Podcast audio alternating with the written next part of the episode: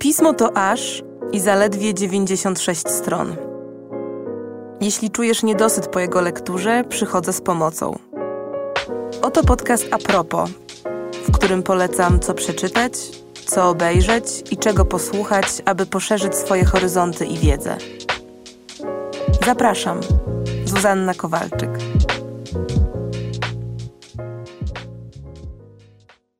Jak zawsze bardzo mi miło, że słyszymy się w kolejnym odcinku podcastu A propos.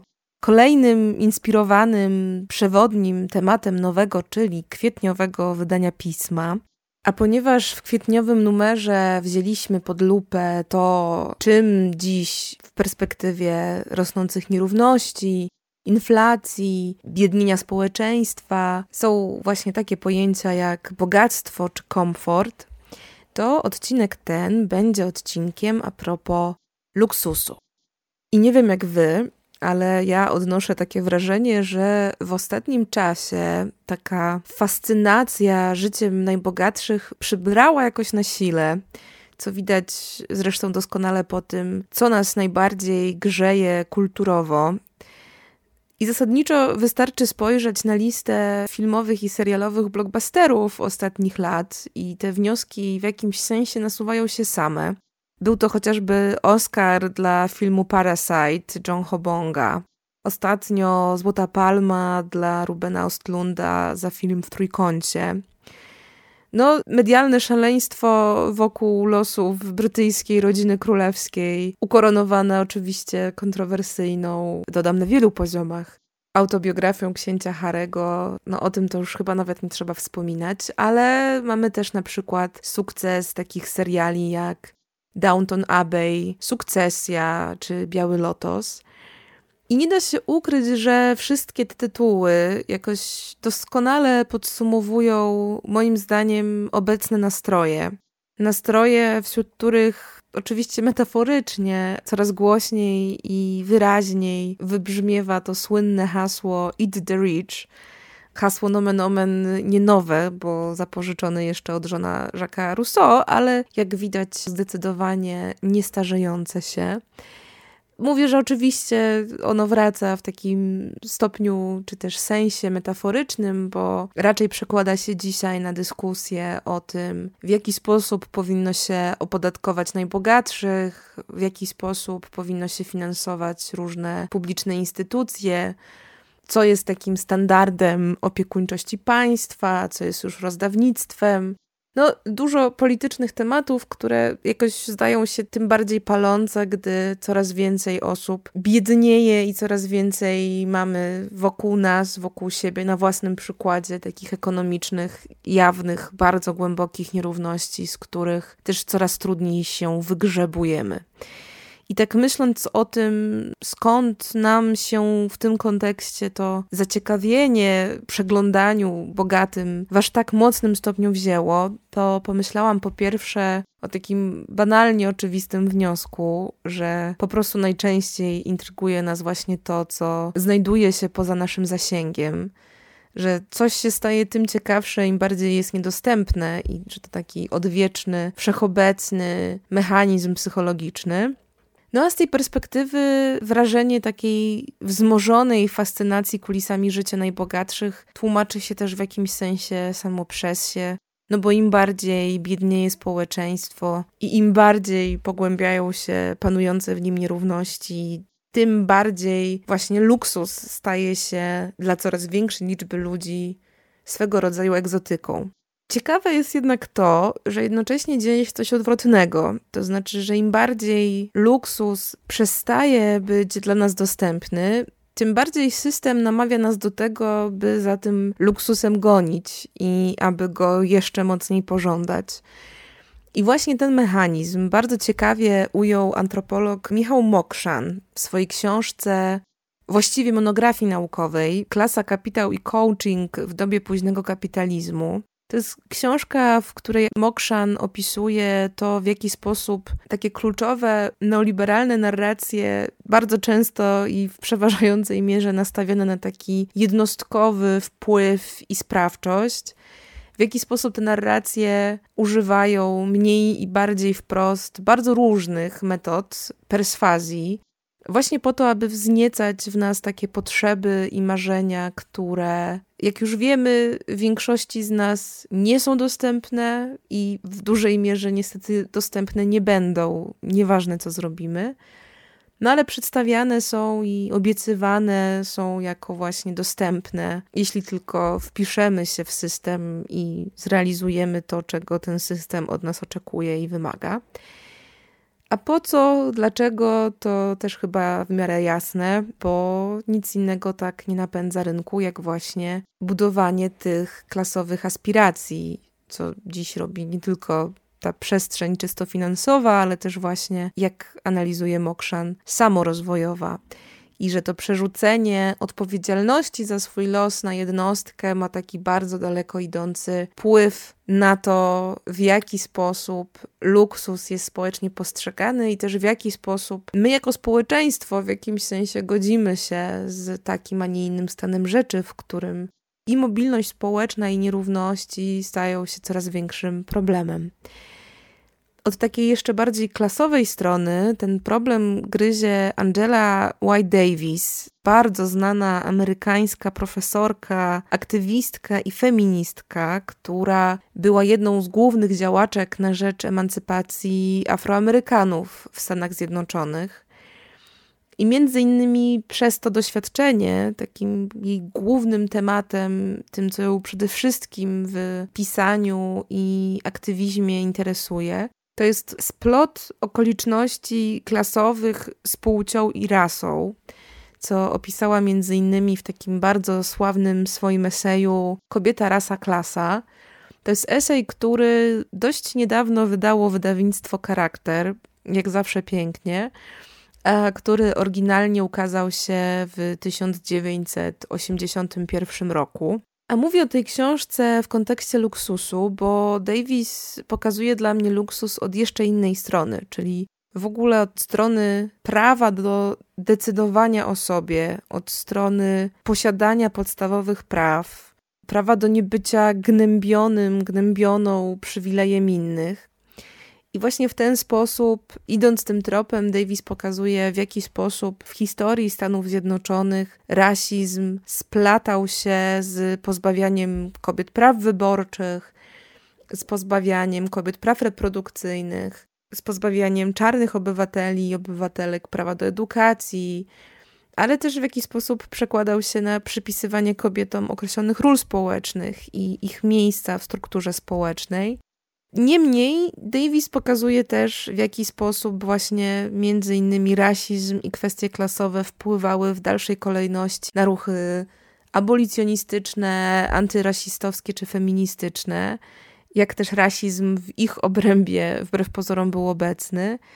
I w ten sposób rozrysowuje ona taką matrycę przecinania się bardzo różnych form wykluczenia i przemocy, jest to bardzo ciekawa i ważna lektura, która pokazuje, jak takie bardzo podstawowe kwestie potrafią się jawić jako luksusowe i w jaki sposób to, co luksusowe kształtuje, czy też jest kształtowane właśnie przez kontekst klasowy i jak ten kontekst klasowy potrafi być w tym i wielu innych aspektach determinujący.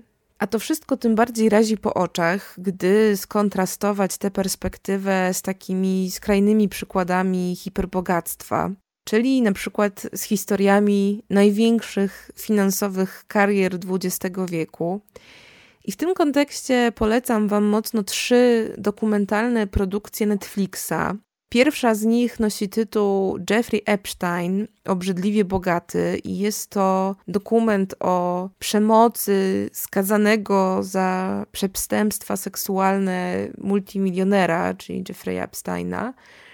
Film, który opowiada o tym, w jaki sposób właśnie jemu przydawały władze pieniądze. Pieniądze, dzięki którym nie tylko był w stanie załatwiać sobie najlepszych prawników, ale też na przykład był w stanie budować swoją pozycję, która umożliwiała mu zastraszanie swoich ofiar. Drugim takim dokumentem, a właściwie serialem dokumentalnym jest serial Madoff, Potwór z Wall Street czyli opowieść o karierze Berniego Medoffa oczywiście, bardzo znanego nowojorskiego finansisty, który stworzył jedną z bardziej znanych piramid finansowych. Stworzył taką piramidę finansową, w wyniku której tysiące ludzi i rozmaitych organizacji straciło swoje majątki w momencie kryzysu finansowego.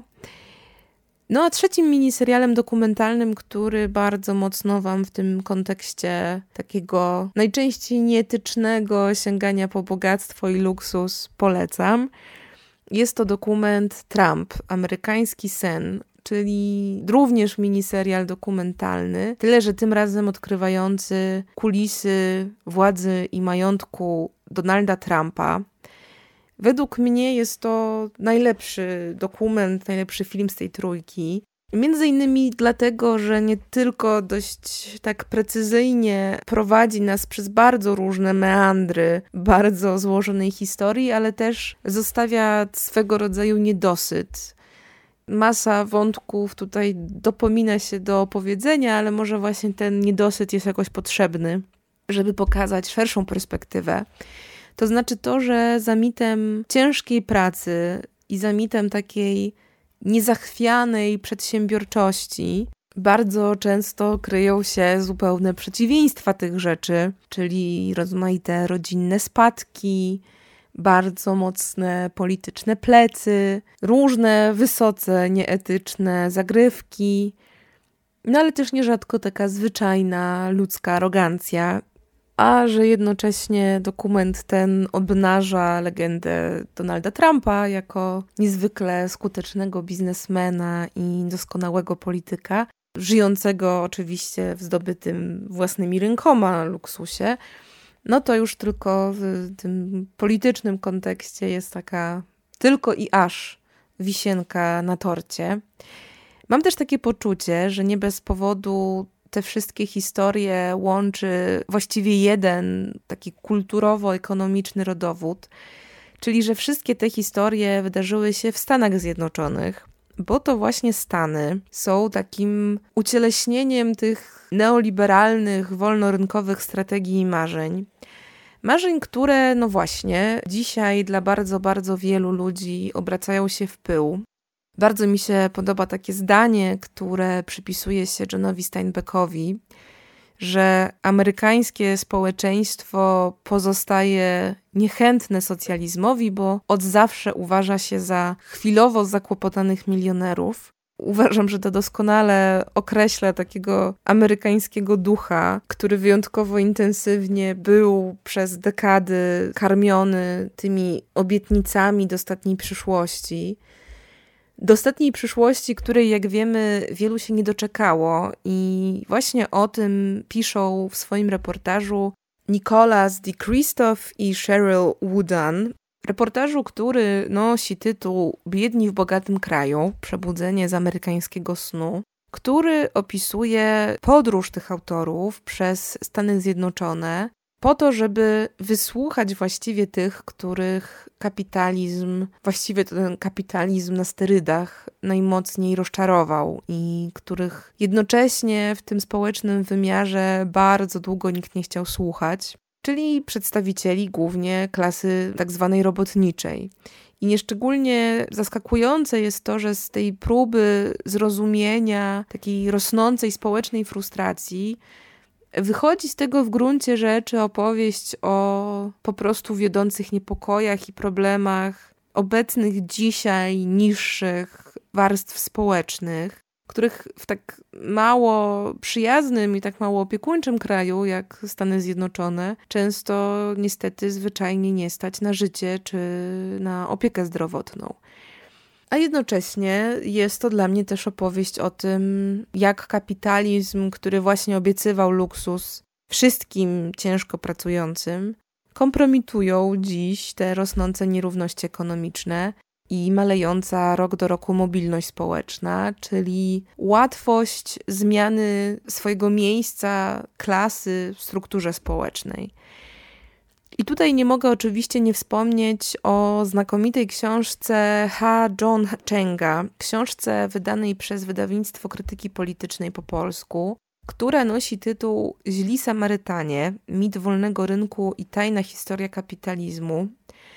A nie mogę o tej książce nie wspomnieć, bo doskonale ona rozpracowuje te wszystkie legendy i mity, które stoją u podwalin takich kluczowych neoliberalnych narracji, a które głównie dotyczą tego, jak te nowe reguły rynkowe, oczywiście stosunkowo nowe, w jaki sposób one się rodziły i na jakich zasadach zdobywały swój poklask bo nie będzie chyba dużym zaskoczeniem, jeśli powiem, że reguły te nie były tak przezroczyste i etyczne, jak opowiada to historia ekonomii głównego nurtu.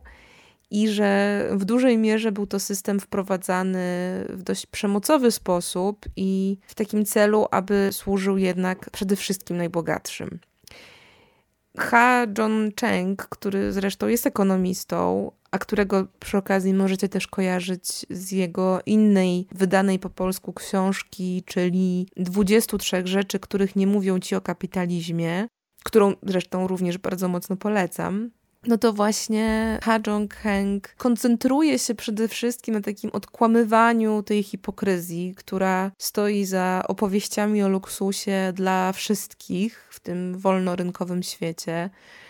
Koncentruje się na tym, żeby obalić mity na temat chociażby niewidzialnej ręki rynku, mity na temat tego, że najbogatsze kraje są najbogatsze, bo na przykład najciężej na to pracowały czy mity na temat tego, że aby skutecznie mogło się państwo rozwijać, to coraz bardziej z zarządzania systemem gospodarczym tego państwa powinno się wycofywać samo państwo i zostawić ten rynek samemu sobie.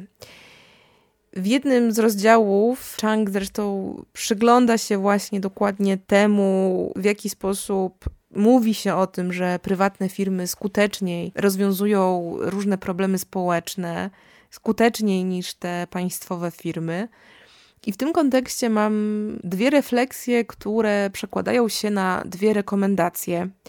I pierwsza z nich, taka bardziej dosłowna, dotyczy właśnie tego napięcia pomiędzy mityczną rolą sektora prywatnego a publicznego. I o tym pisze w bardzo ciekawy a przy tym taki świeży i dość nieoczywisty sposób. Ekonomistka Mariana Mazzucato w swojej książce Przedsiębiorcze Państwo, w której to Mazzucato wychodzi z taką tezą, której następnie oczywiście broni na podstawie masy danych, że za największe wynalazki, innowacje i różne technologiczne osiągnięcia ostatnich dekad nie odpowiadają wbrew tym wiodącym wolnorynkowym narracjom w pierwszej kolejności prywatni przedsiębiorcy, ale w dużej mierze właśnie instytucje publiczne.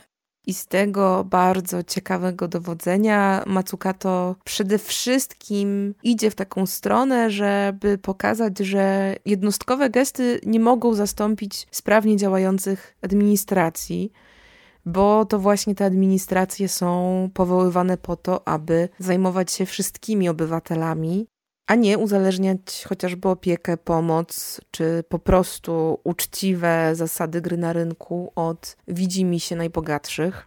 I mam poczucie, że w ten sposób dochodzimy jakoś do sedna tego, o czym pisze też Ha John Cheng w książce Źli Samarytanie to znaczy, że istnieją ogromne pułapki takiej filantropii, która od podszewki podtrzymuje często te bardzo nierówne układy sił i hierarchii, ponieważ właśnie w ten sposób jest w stanie utrzymać swoją pozycję władzy i w ten sposób nie oddaje tej władzy demokratycznie zarządzanym instytucjom publicznym. I oczywiście jest to dyskusja dość złożona, natomiast mocno polecam Wam w jej kontekście od nieco innej jeszcze strony. Film dokumentalny W zgodzie z przyrodą to jest film w reżyserii Elizabeth Chai Vassar Haley oraz Jimmy'ego China, który będzie można zobaczyć w maju w ramach 20. edycji festiwalu Millennium Dogs Against Gravity, więc już dzisiaj bardzo mocno Wam polecam. Film ten opowiada o milionerze, który przeznacza fortunę na ochronę bioróżnorodności zakupionych przez siebie terenów w Ameryce Południowej. I choć właśnie teoretycznie jest to historia takiego bardzo dobrego, w gruncie rzeczy pożytecznego gestu, to jednak budzi ona takie zasadne pytanie o to, czyją rolą powinna być właśnie między innymi ochrona przyrody, czy bądź co bądź kapryśnych filantropów, czy właśnie budowanych między innymi w tym celu państw. Zwłaszcza, że filantropici bardzo często zbijali swoje majątki na biznesach, które z ekologią nie miały wiele wspólnego. Więc późniejsze przekazywanie w ten sposób zdobytych pieniędzy na ochronę jakiegoś kawałka terenu jest oczywiście super wartościowe i ważne i potrzebne, ale nie do końca rozwiązuje nieco bardziej złożony problem w nieco bardziej złożonej perspektywie. I w kwietniowym piśmie piszemy o tym na przykładzie portretu słynnego założyciela Patagonii, który również swój majątek postanowił przeznaczyć na walkę ze zmianami klimatu. Tekst ten będzie dość mocno się zazębiał ze wspomnianym filmem, ale może nie będę zdradzać co, jak i dlaczego. Natomiast właśnie o tych blaskach i cieniach takiej strategii i takiej formy działania pisze w nowym numerze pisma Marta Zdzieborska, więc ten tekst bardzo Wam mocno w tym kontekście polecam. A jeśli nie macie nadal dostępu do tego i innych tekstów w piśmie, a chcielibyście mieć, to przypominam Wam nieśmiało o kodzie zniżkowym na dostęp do pisma Kodzie oczywiście o treści a propos, który zapewnia 5 pierwszych miesięcy subskrypcji za połowę ceny, więc mam nadzieję, że warto.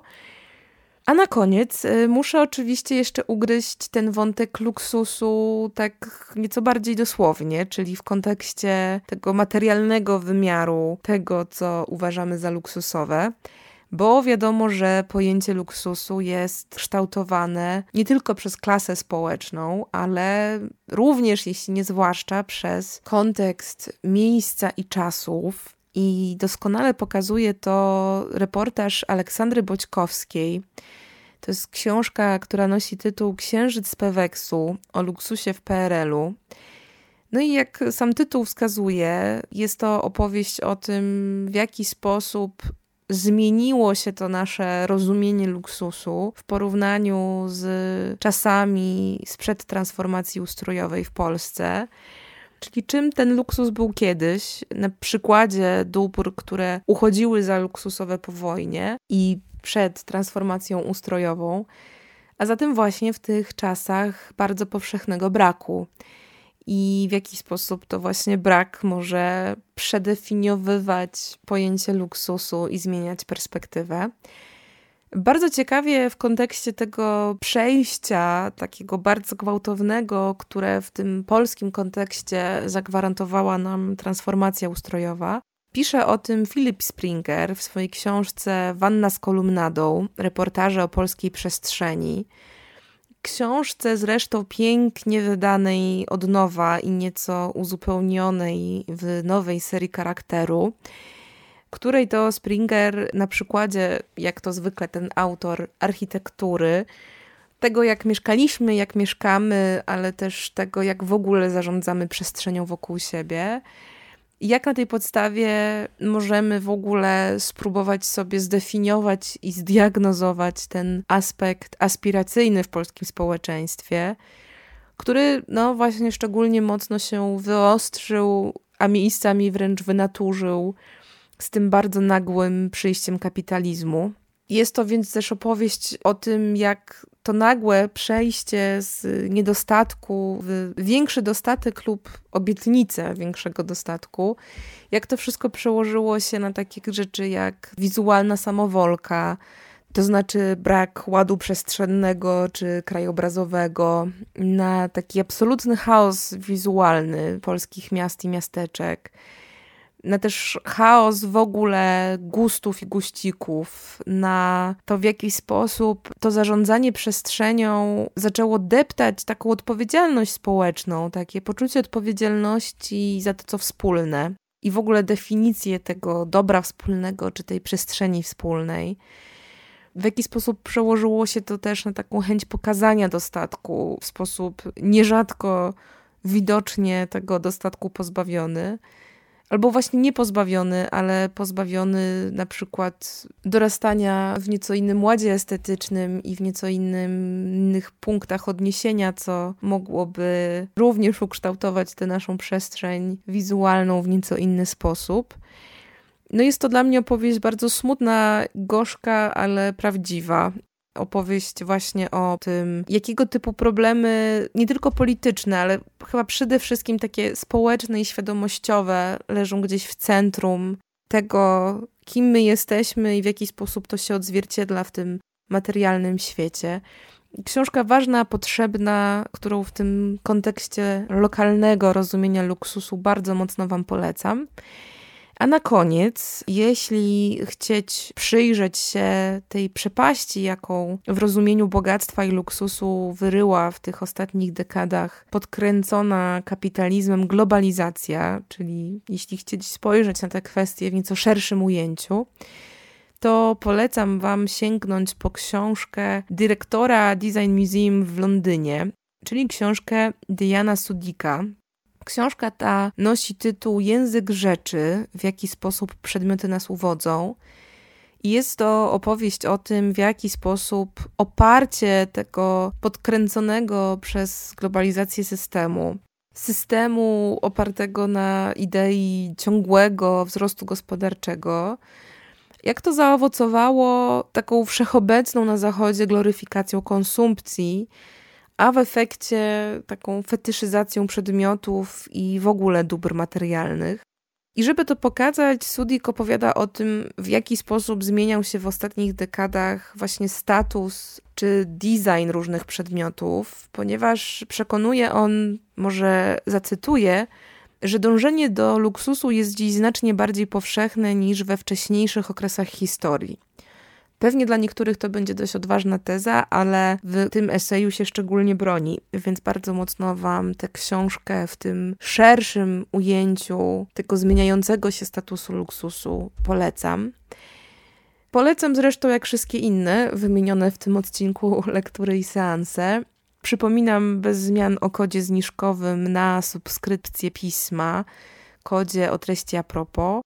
Jak zawsze bardzo Wam dziękuję za dosłuchanie tego odcinka do końca i jak zawsze żegnam się słowami do usłyszenia niebawem.